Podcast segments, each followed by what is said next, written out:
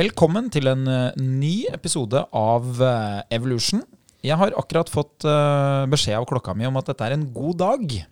Det som er litt morsomt akkurat nå da med det, det er at for en ja, si 20 minutter siden, så var jo det litt gøy å få en god dag. Men grunnen til at det er 20 minutter siden, det er fordi at vi er allerede halvveis i en episode. Men så fins det en vesentlig ting som må skje for at episoden skal være mulig å høre på. Og det Sindre viser meg nå, det er tegnet av da å trykke på en knapp, som da går fra grønn til rød. Så den sto på grønn hele tida. Så det betyr at de siste 20 minuttene med underholdning de eh, ble for de tre som er til stede her. De ble ikke for deg som hører på, men vi eh, gjør et nytt forsøk. Vi har jo da varma opp uh, godt og tenker å bare rulle i gang vi med en ny episode. Velkommen til deg, Sindre. Jo, tusen hjertelig takk. Du har jo hatt en veldig god start på morgenen. Jeg krøp meg inn og prøvde på det samme, men uh, i motsetning til dere så regner jeg med at dere begge klarte å legge dere til sengs når dere skulle til sengs natt. Ja, for det klarte ikke du. Nei, jeg begynte jo på en dokumentar, og så var det ganske stilig. Så skulle jeg bare hvile øynene lite grann før jeg skulle til sengs. Sto opp 15 minutter før alarmen og tenkte å nei. Så sjekka jeg kalenderen. Jeg hadde jo egentlig sovet nok, men du vet når du sover på sofaen, så sover du ikke helt sånn som du skal. Det er jo ikke, det, det er jo ikke der man skal sove. Men så så jeg at det var podkast på menyen, og da tenkte jeg jo visst faen er det en god dag i dag òg. Så du tok rett og slett en natt på sofaen? Ja, jeg gjorde det. Det er ikke verst, altså. Det, det tror jeg nesten ikke jeg har gjort, bortsett fra når jeg har vært på byen. Eller når jeg har blitt utvist om å sove på sofaen. ja, nei, det, Sånne netter har jeg jo også hatt. Men uh, her går det rett og slett på Det var en god dokumentar. Har du aldri hatt det noen gang? Jeg har jo ikke den evnen at jeg bare sovner fra oppgaven. Jeg er jo jeg er på en måte Enten så er jeg våken, eller så har jeg gått og lagt meg. Så nei, jeg kjenner meg ikke så godt igjen i det, men eh, det er kanskje deilig. Ja, det, egentlig så er det jo ganske digg, da. Men du får litt skyldfølelse. Du tenker jo faen, jeg ikke fikk jeg med meg det jeg skulle se, og ikke la jeg meg der jeg skulle legge meg. Alt feil i dag. Godt poeng. Har du sovet godt, Linnea? Jeg har sovet veldig godt, jeg. Jeg sov i senga. Gjorde det, ja. Jeg gjorde det. Sov ikke hengende fra en pull-up-bar, da. Nei. Å, nei. Du, Hvordan går dette prosjektet som Sindre refererer til? Du skal jo um, denne høsten rett og slett da gå fra å ikke ta uh, pullups eller chins eller kroppsheving, eller altså det å trekke kroppen opp til en stang hengende, og så har du tenkt å få til det. Og nå er du i gang. Hvordan, uh, hvordan har det gått så langt? Eh, jo, det går greit. Nå har jeg jo lagd et program, og jeg har fått testa utgangspunktet mitt. Det gjorde jeg da på EVO Ryen. Um, og da fant jeg jo eh, Tok jeg fram alle strikkene som var der, da. Jeg fant tre. Uh, og da testa jeg om jeg klarte å ta en chin med de. Og da klarte jeg jo det da med de tre strikkene. Jeg klarte jo flere enn én. Så poenget var jo å finne liksom hvor langt unna jeg er én chin. Og da tok jeg av den tynneste og prøvde, og kom halvveis. så jeg innså jo at veien er utrolig lang. Og jeg, altså, akkurat nå så ser det ut som at det ikke blir en julegave i år, men kanskje neste år. Skremmer det deg? ja, det gjør egentlig det. For det er litt sånn Det, bare føles ut som det er Altså det er i en, annen tid, en annen galakse. Altså det er ikke Linnea som kan klare det. Eller Linnea nå, da, som kan klare det. Jeg må liksom være en ny versjon av meg for å klare det, på en måte. Men eh, Jeg syns det er veldig kult at du sier, sier det og er så ærlig om det. For jeg tror at alle kundene vi har hatt, har følt på det på et tidspunkt når vi har satt oss et mål sammen. Og jeg tror at alle som da kommer til endestykket, ser tilbake og tenker den personen jeg var den gangen, den hadde ikke den samme troa som jeg har i dag. Og det var heller ikke fra den samme galaksen. Litt sånn som du er inne på der, da. Det er Ja. veldig kult. det er veldig kult. Det er liksom den, ja, den følelsen av liksom å se meg selv i tredjeperson blir det jo egentlig nesten, ikke sant? For da har jeg liksom lyst til å endre, eller endre den identiteten jeg har til meg selv, og bli den som klarer å ta en skinn. For nå er jeg jo en som ikke klarer å ta en skinn, og det har jeg liksom hatt gjennom hele livet. Eller bortsett fra da jeg var sånn ti, da, og drev med monkey bars og sånn. Men i voksen alder, da, så har jeg liksom alltid vært Ja, nei, jeg har ikke klart det, jeg er liksom bla, bla, bla. Men jeg skal bli hun som klarer det. Så Jeg synes det er så kult. Ja. Det sitter jo to av tre i det rommet her som har satt seg noen skikkelig kule mål. Som driver og holder på å jobbe for det for harde livet. Ja, Før vi begynner med det, det målet til den andre som ikke skal ta, ta kroppsøving jeg, jeg bruker sånne gamle navn. Jeg føler meg litt, eh, litt enklere å forstå, men eh, det er kanskje veldig gammeldags. Jeg lurer på, ja, Det lurer jeg på om det er så mange som egentlig forstår det, eller er vant, eller heller vant med pushups f.eks. Ja, det, det som er da, Hvis du har vært i Forsvaret, så er jo kroppsheving er jo liksom Det er det det heter når du må ta opptaksprøvene, liksom. Så det er veldig lett å forstå. Men eh, det jeg tenkte på, Linnea, når du snakker om det her, det er jo Forrige episode så snakka vi om målsetninger. Og så var det en ting som vi kanskje ikke snakka så mye om, eh, men som er veldig relevant. Og du beskriver jo nå en målsetning som er så fjern fra der du er i dag, at du klarer ikke helt å se hvordan du skal på en måte lappe sammen start og slutt. Og det som er vanlig da, for å sørge for at den prosessen er motiverende, men òg målbar og kan gi litt motivasjon, det er å bruke delmål. Har du tenkt noe på type delmål underveis her? Hva, hva liksom, når vil være neste gang du tenker ok, nå kan jeg krysse av en rute i boka, liksom? Uh, jeg har tenkt eh, litt at jeg tenker å teste litt sånn hvor mange jeg kan greie med de tre strikkene etter hvert. Og så har jeg lyst til å se om kanskje en måneds tid om jeg klarer én med to strikker, da. At jeg faktisk klarer det, å fjerne den siste. For jeg kommer jo halvveis. Jeg mangla bare den siste biten, som var å sette haka over stanga. Så det var jo litt sånn Jeg sto jo bare der og så på stanga og bare holdt meg. Så de som har sett videoen på Instagram, da, som dere må sjekke ut eh, Evolution uh, treningspodkast heter vi på Instagram. Og der poster jo vi de videoene hvor jeg tester ut um, ut chins, da, og der ser du jo at jeg står og henger halvveis. Og det er liksom, målet er så nære, liksom. Så det er mitt første delmål. Klare det med to. Nei, men Det er jo en veldig god oppfordring. Eh, hvis du har det her som en målsetning, eller du kjenner noen som har den målsetning, eller du syns det er litt spennende å følge med, så anbefaler vi deg å følge den eh, Instagram-kontoen, eh, som er da podkastens egen Instagram-konto. Og så er det jo som du beskriver da veldig fint her, at da har du jo et delmål. Og det som egentlig er fordelen med delmål, det er at det er lettere for deg å se hvordan du skal komme deg fra der du er i dag, til delmålet, enn det er å se for seg hvordan du skal gå fra der du er i dag, til hovedmålet. Og eh, du nevnte jo her, Sindre, at det er flere med mål. Det stemmer jo dessverre ganske riktig. Det, apropos mål, jeg håper jo da at eh, jeg kommer meg til mål på lørdag. Det er jo da etter maraton i Oslo sentrum. Men det som du beskriver, Linnea, det er eh, egentlig litt det samme som jeg har kjent på. Første gangen jeg hadde som mål å løpe da under fire minutter på kilometeren, så var det på det tidspunktet såpass langt unna der jeg hadde vært. Jeg hadde løpt på 2,57, som jeg følte at var en kjempeprestasjon. Det er sånn eh, 4,12 på kilometeren eller noe sånt. Og du skal løpe 42 km, så er det liksom 42 ganger du har brukt 12 sekunder for mye. Og, og det er sånn, det er ikke gjort i en vending hvis man nå hvis man skjønner hvor lang tid man har brukt på å komme seg dit, så begynner man å skjønne at det kommer ikke til å gå. Men så kan man jo snu det på hodet, og så kan man si hvor langt klarer jeg å løpe i riktig fart? Altså si 3 minutter og 59 sekunder på kilometeren. Det er rett over eh, 15 km i timen. Hvor langt kan jeg egentlig løpe i den farta? Og jeg visste jo at jeg kunne løpe 10 km, for det hadde jeg jo klart å løpe mye fortere en del ganger. Og så begynte jeg å prøve, og første gangen så husker jeg liksom jeg, eh, jeg klarte akkurat ikke å løpe 15 km. Men så etter eh, et par uker så klarte jeg å løpe 15 km. Og så vet jeg at det er lettere å strekke varigheten på samme fart enn å løpe fortere på samme distanse. Så det er lettere da på eh, den farta da, å løpe 16 km enn det hadde vært å løpe på 16 km med samme distanse. Og det er jo noe som er verdt å ta med seg, som du òg beskriver. Da, at det, det å klare flere repetisjoner med de samme strikkene vil jo være lettere enn å klare å ta av strikkene.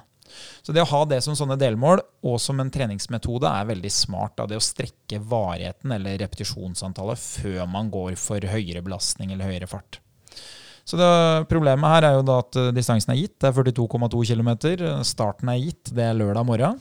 Eh, løypa er dessverre gitt. Den er 400 høydemeter eh, underveis i løpet. Så der blir det jo en sammensatt oppgave. Man må da beherske intensitet. Man må ha kontroll på hvor fort man kan løpe oppover. Man må beherske intensitet nedover, og så må man trent muskulært for å tåle nedoverbakkene. Det gjør Oslo til et eh, vanskelig sted å lykkes. Det er ikke et sted hvor de som vil løpe fort på tid, vanligvis velger å løpe. Og så går det jo da et kjempemaraton eh, bare én eller to helger etterpå, i Berlin, hvor det er nesten 50 000 startende.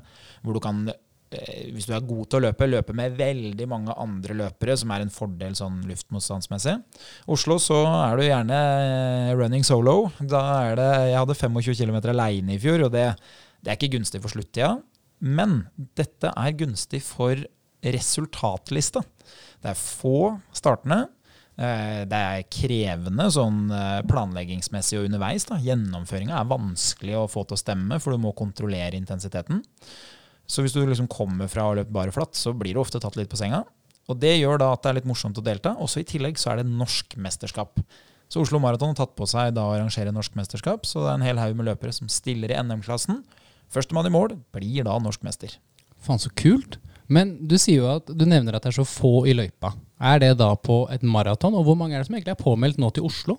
Eh, Oslo Maraton, som hele konkurransen heter, har ja. mest sannsynlig over 20 000 påmeldte, tipper jeg, når man går av stabelen.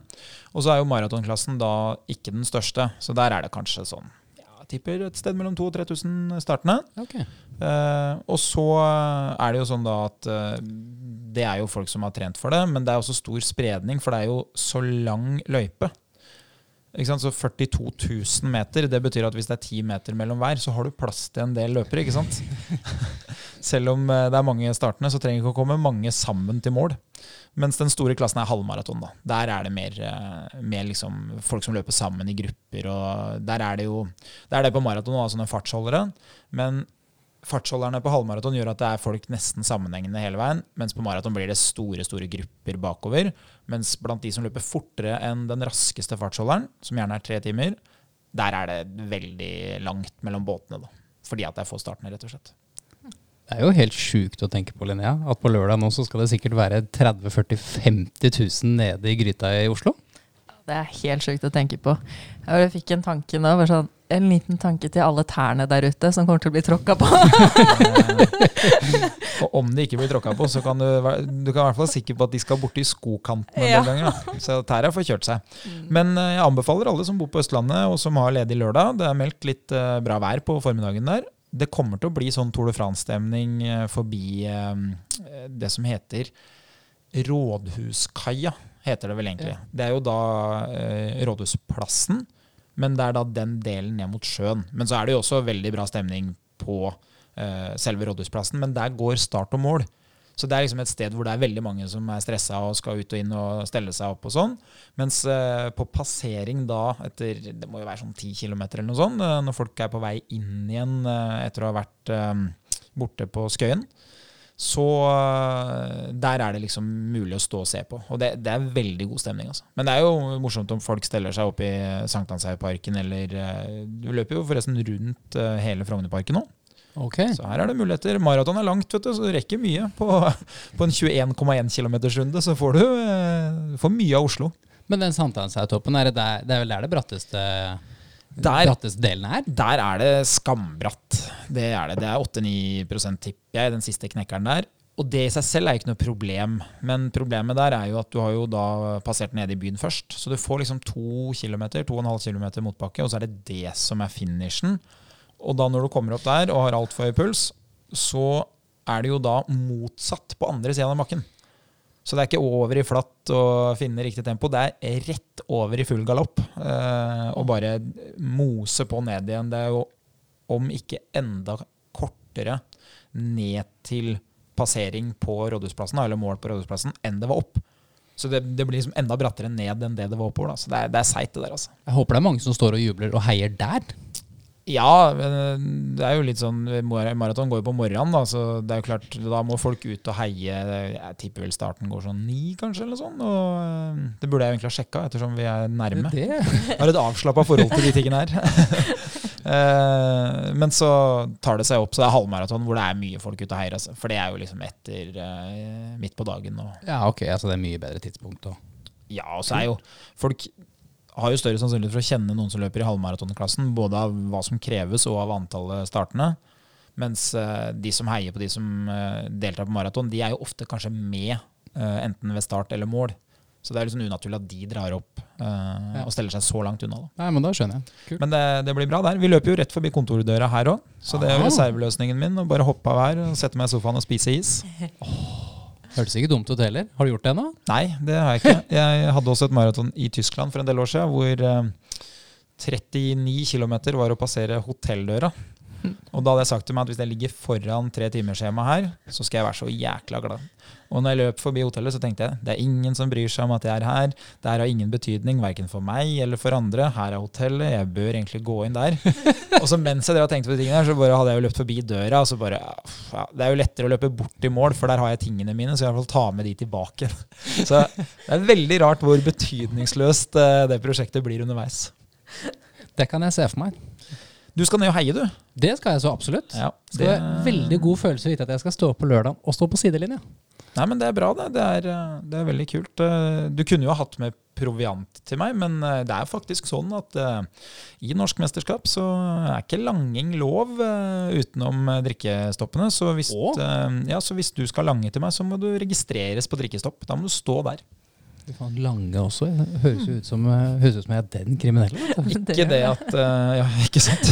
Det langing skjer da nederst i Karl Johan, er det du sier? Skal få, skal få en sånn gelbar av meg nederst i kornet. Nei, det er jo litt spesielt akkurat det med langing. Men uh, nå er det jo sånn da en gang at uh, jeg tror ikke det er så veldig mange som hadde brydd seg om du hadde gitt meg noe gel underveis der. Håper jo ikke det. Det kommer ikke til å prege de som skal stå på pallen, i hvert fall. Det er helt sikkert. Men ja, nei, så eh, lørdag er det folkefest i Oslo. Det blir eh, meget eh, bra. Skal vi ta oss og se litt på dagens episode, vi da?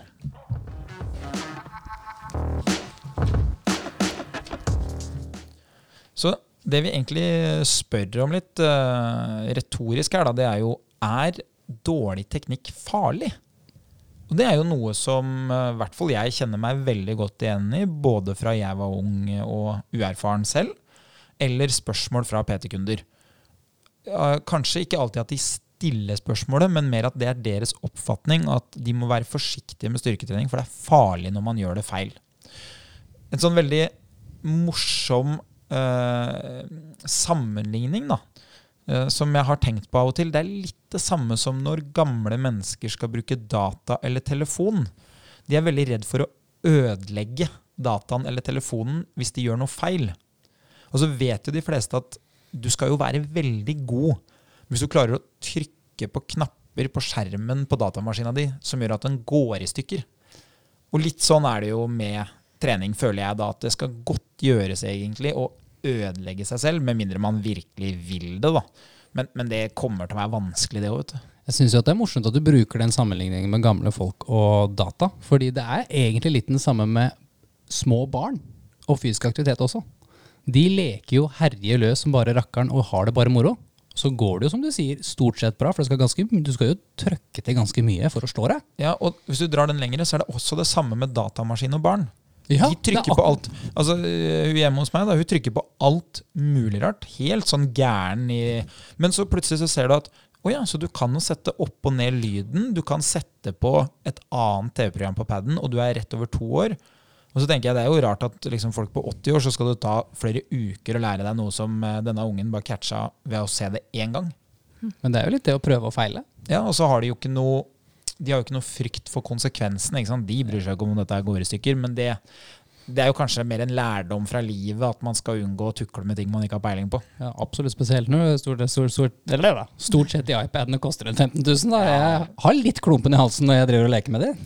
Og så tenker man jo kanskje at det er mer komplekst. Altså Et barn tenker jo ikke 'oi, dette var fancy, dette er komplekse saker'. Mens hvis du er eh, ja, Si at du er født rett etter krigen, da, ikke sant? og så lever du nå med at eh, du må forholde deg til OS eh, Hva heter disse fancy greiene? Mahave. ikke sant? Det er, jo, det er jo en verden som er helt umulig å forstå. Så det skjønner jeg, altså. Absolutt.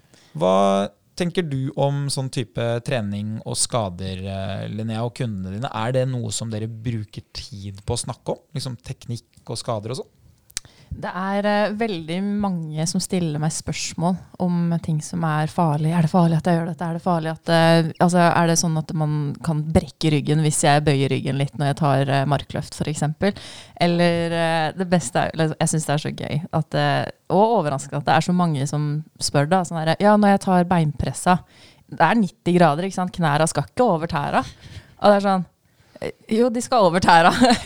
For det er liksom Hvis du tenker, da hvis du går opp en trapp og ikke bøyer knæra over tæra hvordan, altså, Du ser jo helt dust ut. Altså, du kommer deg ikke ordentlig opp trappa da, liksom.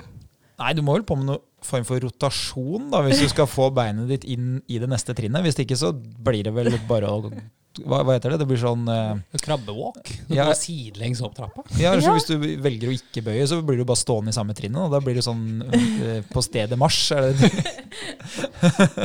så Ja. det hadde jo vært en, eh, en litt rar løsning, ja. Men uh, når du velger liksom øvelser og jobber med de tekniske tingene, er det noe du bekymrer deg for? At oi, det her ser ikke sånn veldig bra ut, eh, dette er farlig? Hva hva er liksom årsaken til at du som PT tenker at det er fornuftig å ha god teknikk? liksom?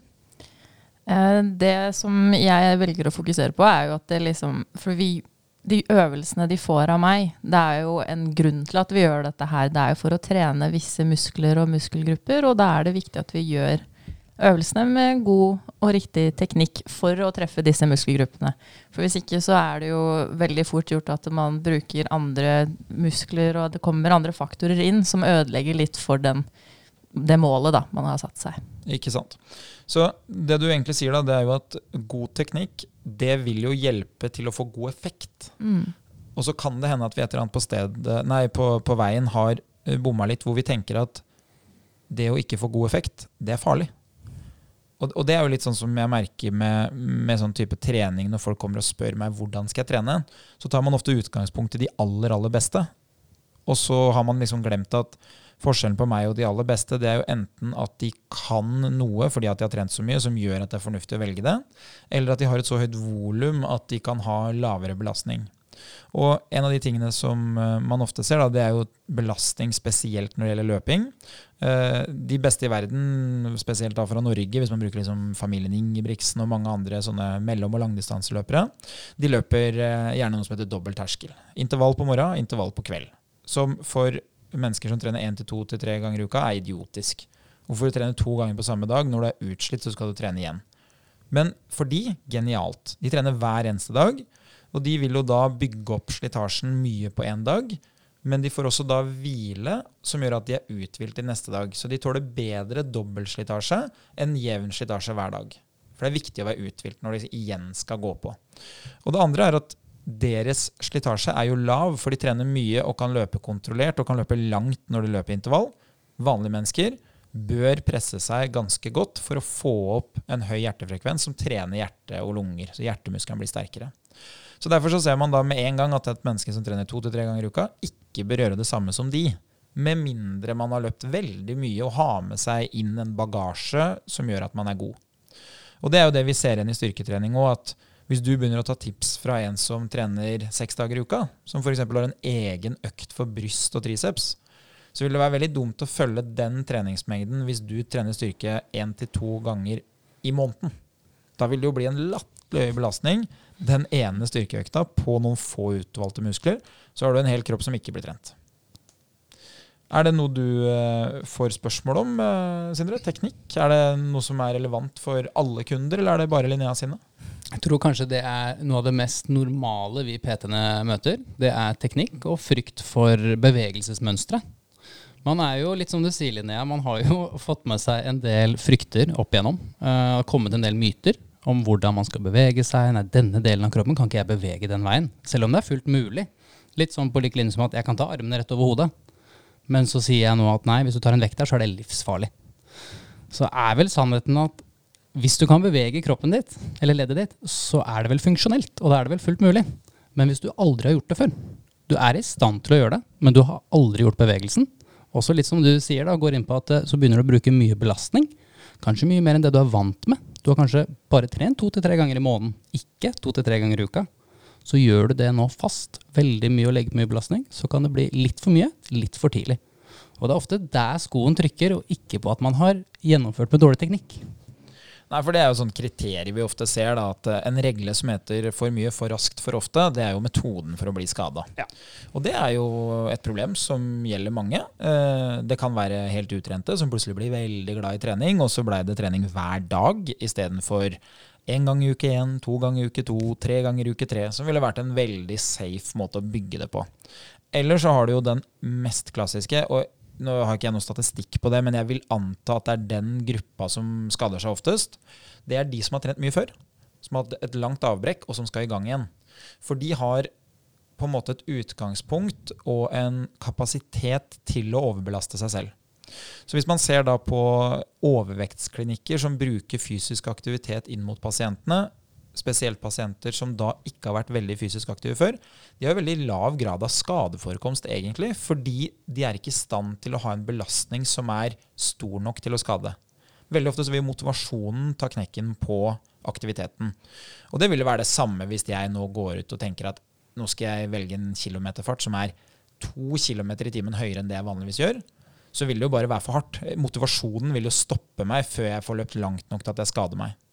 Mens eh, hvis jeg har løpt ingenting i to måneder, og så skal jeg i gang igjen, og ikke har respekt for at å ja, beina mine har ikke fått lov å øve på det jeg skal gjøre.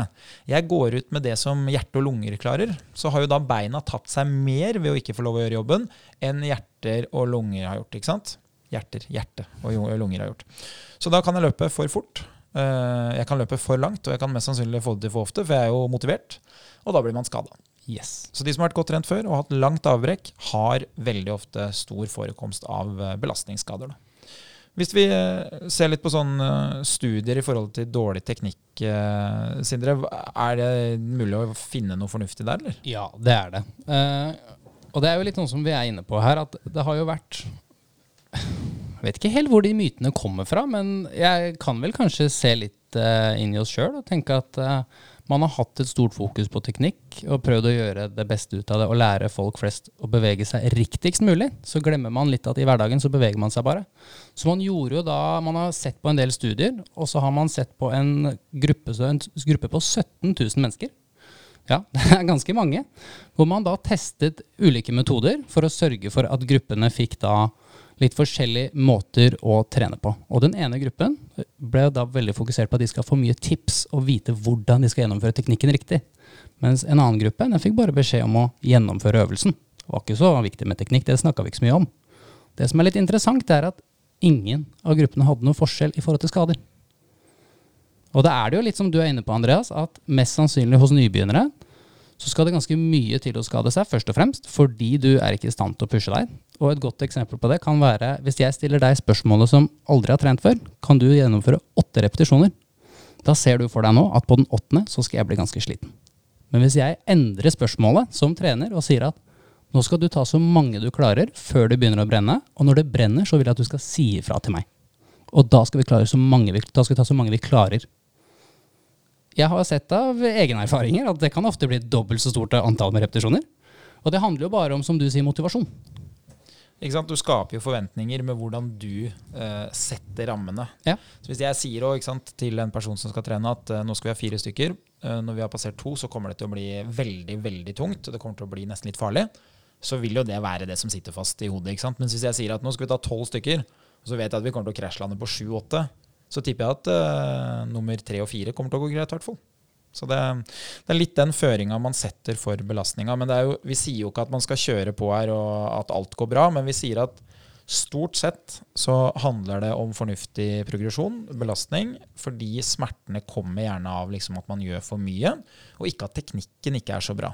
Helt riktig. Hvis vi ser litt på sånn type tips til god teknikk, da, hvis man skal ha med seg det, har du noe forslag til hva man kan gjøre der, Linje? Det har jeg, vet du. Eh, når vi skal lære oss god teknikk, så er det jo viktig at vi har en eh, belastning som vi vet vi klarer, og som ikke er for tung for oss. Som gjør at vi klarer å ta flere repetisjoner av, det, av dette, og klarer å øve inn da teknikken, slik at når vi da legger på en belastning som gjør at du nærmer deg to-tre reps i reserve da, på Ja. den siste, ikke sant? Eh, da er det greit å ikke ha fokus på at overlever jeg dette her, men heller bare jeg klarer dette her fordi jeg vet hvordan man gjør det, og det bare ligger i blodet, liksom. Så at du rett og slett velger en vekt som er litt lettere i starten, så du er trygg på at du klarer å gjennomføre. Men så er jo spørsmålet, hvis du er helt usikker på hvordan du gjør øvelsen Jeg har jo vært inne på treningssenteret flere ganger eh, når jeg ikke har timer, og også når jeg har noen PT-timer, hvor jeg ser veldig mye rare bevegelser i forskjellige apparater. Hvor jeg tenker Hvordan i all verden kom det fram til at du skulle gjøre den sånn? Ja, altså det er jo veldig fint å ha med seg noe hjelp, da. Så da er det jo veldig fint at vi har PT-er eh, på sentrene våre og andre sentre. Veldig fint å bruke de. Eh, når du er litt usikker og er, når du ser på en maskin og tenker at dette ser ut som det kunne vært på Tusenfryd, liksom, så er, det, så er det jo greit å spørre om hjelp. For da får du en innføring i hvordan dette vil funke, og da får du litt tips og korrigeringer da, på disse teknikkgreiene. Jeg syns jo alltid det er så morsomt, og jeg pleier jo å snakke med kundene mine og alle som spør, og forklare det at det er litt sånn som å lære seg å kjøre bil. Ja. Du klarer å starte en bil sjøl. Du har nok kunnskap i banken til å kunne starte den og mest sannsynlig få den til å kjøre fremover. Men du har ikke noe kunnskap om hvordan du skal kjøre riktig og smart. Og det er jo ofte en utfordring veldig mange der ute har, hvis de ikke ansetter seg en kjørelærer.